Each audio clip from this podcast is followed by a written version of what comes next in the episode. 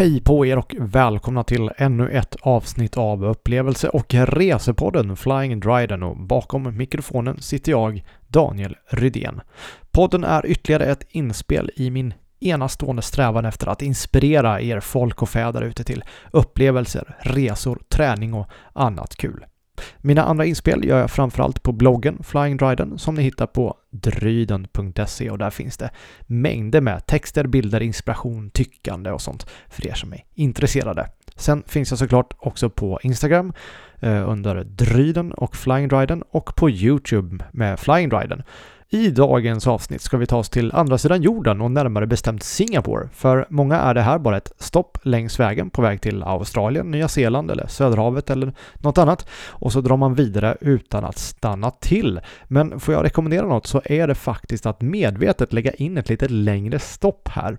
Det måste inte vara på en vecka utan det går faktiskt att upptäcka stan på bara ett dygn. Visst, man nosar bara på ytan men man kanske å andra sidan kan väcka en lust att åka tillbaka hit för ett lite längre stopp Tack vare att Singapore är förhållandevis litet med väl utbyggt eh, transportsystem så är det supersmidigt att ta sig runt i stan med framförallt tunnelbanan och det gör att man lätt kan ta sig mellan de olika stadsdelarna utan att man behöver ösla onödigt mycket tid på promenader och bussar och trafik och sånt där trams. Så med det sagt, hur kan man lägga upp ett besök i Singapore om man bara har ett dygn på sig till exempel på en stopover?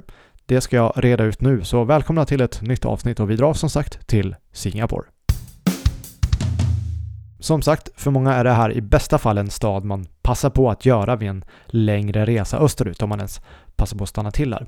Frågan är bara vad man hinner med och vad man ska prioritera om det handlar om så kort tid som ett dygn eller bara kanske rent om några timmar. Jag tänker därför ge tips på lite enklare aktiviteter och upptäckter om man då har ett kortare stopover i Singapore. Mitt första tips handlar dock om kläder och Singapore har ju sommar året runt så shorts och t-shirt kommer fungera alldeles utmärkt under dygnets alla timmar. Först och främst, man ska såklart åka tunnelbana i Singapore. Den tar man eh, rimligtvis från flygplatsen Changi in till city och det här är det smidigaste och billigaste sättet och kostar runt 20 spänn för en enkel biljett baserat på prisuppgifter från drygt två år tillbaka. Resan in till city tar ungefär 20-40 minuter beroende på vart man ska såklart. Och Singapores tunnelbana sägs ju också vara något speciellt även om det i slutändan bara handlar om att åka ett tåg under jorden. Men dels är den förarlös och så är den framförallt ren. Sådär, vi kan göra en hjärttransplantation på golvet ren. Inte riktigt, men ni fattar poängen. Jag fattar också nivån när jag slet upp en vattenflaska här för att ta en klunk på perrongen innan mitt eh, tunnelbanetåg skulle komma och fick genast höra “Hey sir, no food in here” och vakten han stod eh, typ ett dussin meter bort. Det var en tillrättavisning som inte gick att ta miste på och då var det alltså bara en flaska vatten som jag höll upp. Sen är ju tunnelbanan riktigt smidig också, framförallt det. Och det är ett billigt och enkelt sätt att ta sig runt i stan. Äta bör man, annars dör man och ska man göra det i Singapore så ska man gå på ett Hawker Center. Och innan jag stack iväg till Singapore första gången hörde jag att det här var grejen om man vill ha en riktig matupplevelse i stan. Och nog var det en aning speciellt, men framförallt var det väldigt prisvänligt. Väljer man även lite udda tider på dagen så behöver det inte ens vara rusning och två miljarder människor på samma ställe. Så med facit i hand kanske jag borde ätit på ett Hawker Center betydligt oftare än vad jag faktiskt gjorde. Några av dem kan vara riktigt stimmiga, men det finns några som har varit ganska lugna också. Så det är bara att kika in på något av dem. Det dräller av dem i Singapore. Nästa tips är eh, ett litet oväntat stopp som jag hittade i Chinatown. Jag råkade nämligen snubbla över Tintin-butiken av en händelse och tog mig ett varv där inne. Nu är inte jag tidernas största fan, men visst har jag plöjt en annan bok, framförallt som barn, och jag såg givetvis den 3D-animerade filmen som kom för några år sedan. I den här butiken finns det allt från fantastiskt dyra samlarobjekt till lite mer plånboksvänliga pryttlar som har med Tintin och allt däromkring att göra. En annan sak som ska avnjutas är Gardens by the Bay och den ligger vid Marina Bay Sands som jag kommer till lite senare. Det här är en riktig pärla till park och den ska eh, som sagt besökas. Man måste inte gå in på Flower Dome eller Cloud Forest även om jag eh, kan tänka mig att det är riktigt fina upplevelser. Jag har faktiskt inte varit inne där själv. Men det är inget eh, krav på att åka upp i de här jätteträden i Gardens by the Bay heller. Det går precis lika bra att bara strosa runt nedanför eller gå längs sjöarna här. På kvällarna är det också en ljusshow här som är ganska häftig. Men om tiden är knapp så rekommenderar jag nog hellre en dagsvandring för att uppleva parken i dagsljus. Har man lite mer tid i Singapore så ska man självklart åka hit på kvällsshowen.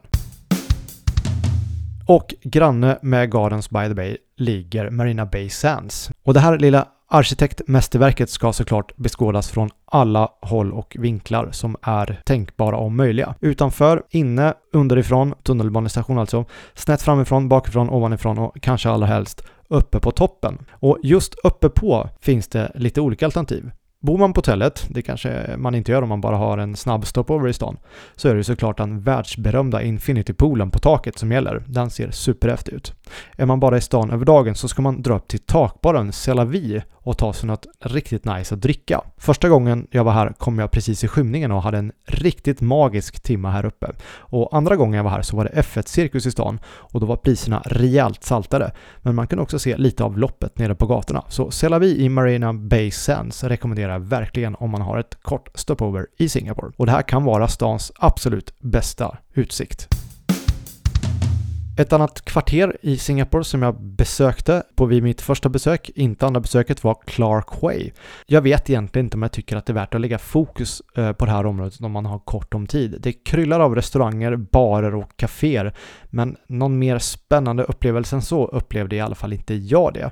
Men jag vet att det är väldigt många som talar gott om det, så håll ett öga på Clark Way.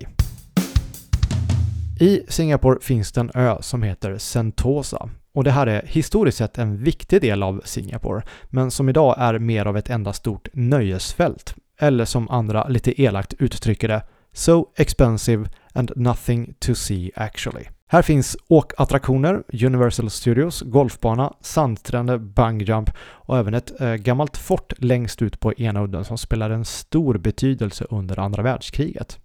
Jag tycker helt klart att Sentosa är värt ett besök, men man bör också vara medveten om att det nog krävs mer än en timme här, vilket kanske gör det svårt att hinna med på en kort stopover. Själv körde jag bungyjump här ute och det hinns såklart med om man planerar och bokar innan. I en annan del av stan hittar vi ytterligare en park som är värd ett besök och det är Singapore Botanic Gardens som grundades 1859 och är både stor och omväxlande. Faktum är att det här är flera parker igen och här går det verkligen att slå hål på både en och fem timmar. Ska man dock göra stan på ett dygn så gör man nog bäst i att välja i alla fall någon av delarna. Ginger Garden och kanske allra helst den mer kända National Orchid Garden är två av dem som är värda lite extra energi. Själv fastnar jag också för Evolution Garden som visar växtlighet från bland annat jordens födelse fram till idag. Och mitt sista tips om du har ett kortare stopover i Singapore är att åka ut till flygplatsen lite tidigare än vanligt. Changi, som flygplatsen heter, har nämligen blivit framröstad som världens bästa flygplats flera gånger. Och om det är någon flygplats man ska hänga lite längre på så är det väl då den här. Det finns ju också andra skäl till att eh, vara här ute i god tid och framförallt nu när pandemijäveln har lagt av och flygplatserna inte riktigt hunnit fatt med personal och så vidare så finns det ju ett väldigt gott skäl att vara ute i god tid för att slippa köer och missade flighter. Vid mitt andra besök på Changi så blev det ett par, tre timmar extra. Inomhusvattenfallet som finns här är ju enormt och det går en ljus och vattenshow vid vissa klockslag. Och här finns mängder av butiker men även på Airside är det en behaglig flygplats att vara på. Det är en skön ljudmiljö och så finns det också en liten kaktusträdgård på en terrass som jag råkar snubbla över andra gången. Och så såklart har man tillgång till lounger och annat så kan man ju nyttja det också om det ingår i biljetten eller om man har något kreditkort. Ja, sen finns det ju tusentals andra saker man kan göra i Singapore. Och av de jag nämnt här så skulle jag nog prioritera ner Clarkway och eh, Sentosa i så fall. Ett dygn går ganska fort även i Singapore och även i poddsammanhang, så jag tänker att jag faktiskt håller där för idag. Tack för att ni har lyssnat och är ni sugna på fler avsnitt så är det bara att leta upp podden i valfri poddapp och kom även ihåg att börja prenumerera och aktivera aviseringar så får ni en liten ping när det kommer nya avsnitt. Och vill ni läsa bloggen och få inspiration på den vägen så surfar ni såklart in på dryden.se och där finns också kontaktuppgifter om ni vill lämna feedback, prata sponsring eller ha några andra funderingar. Så med allt det här sagt, tack och hej för idag och till nästa avsnitt, ta hand om er.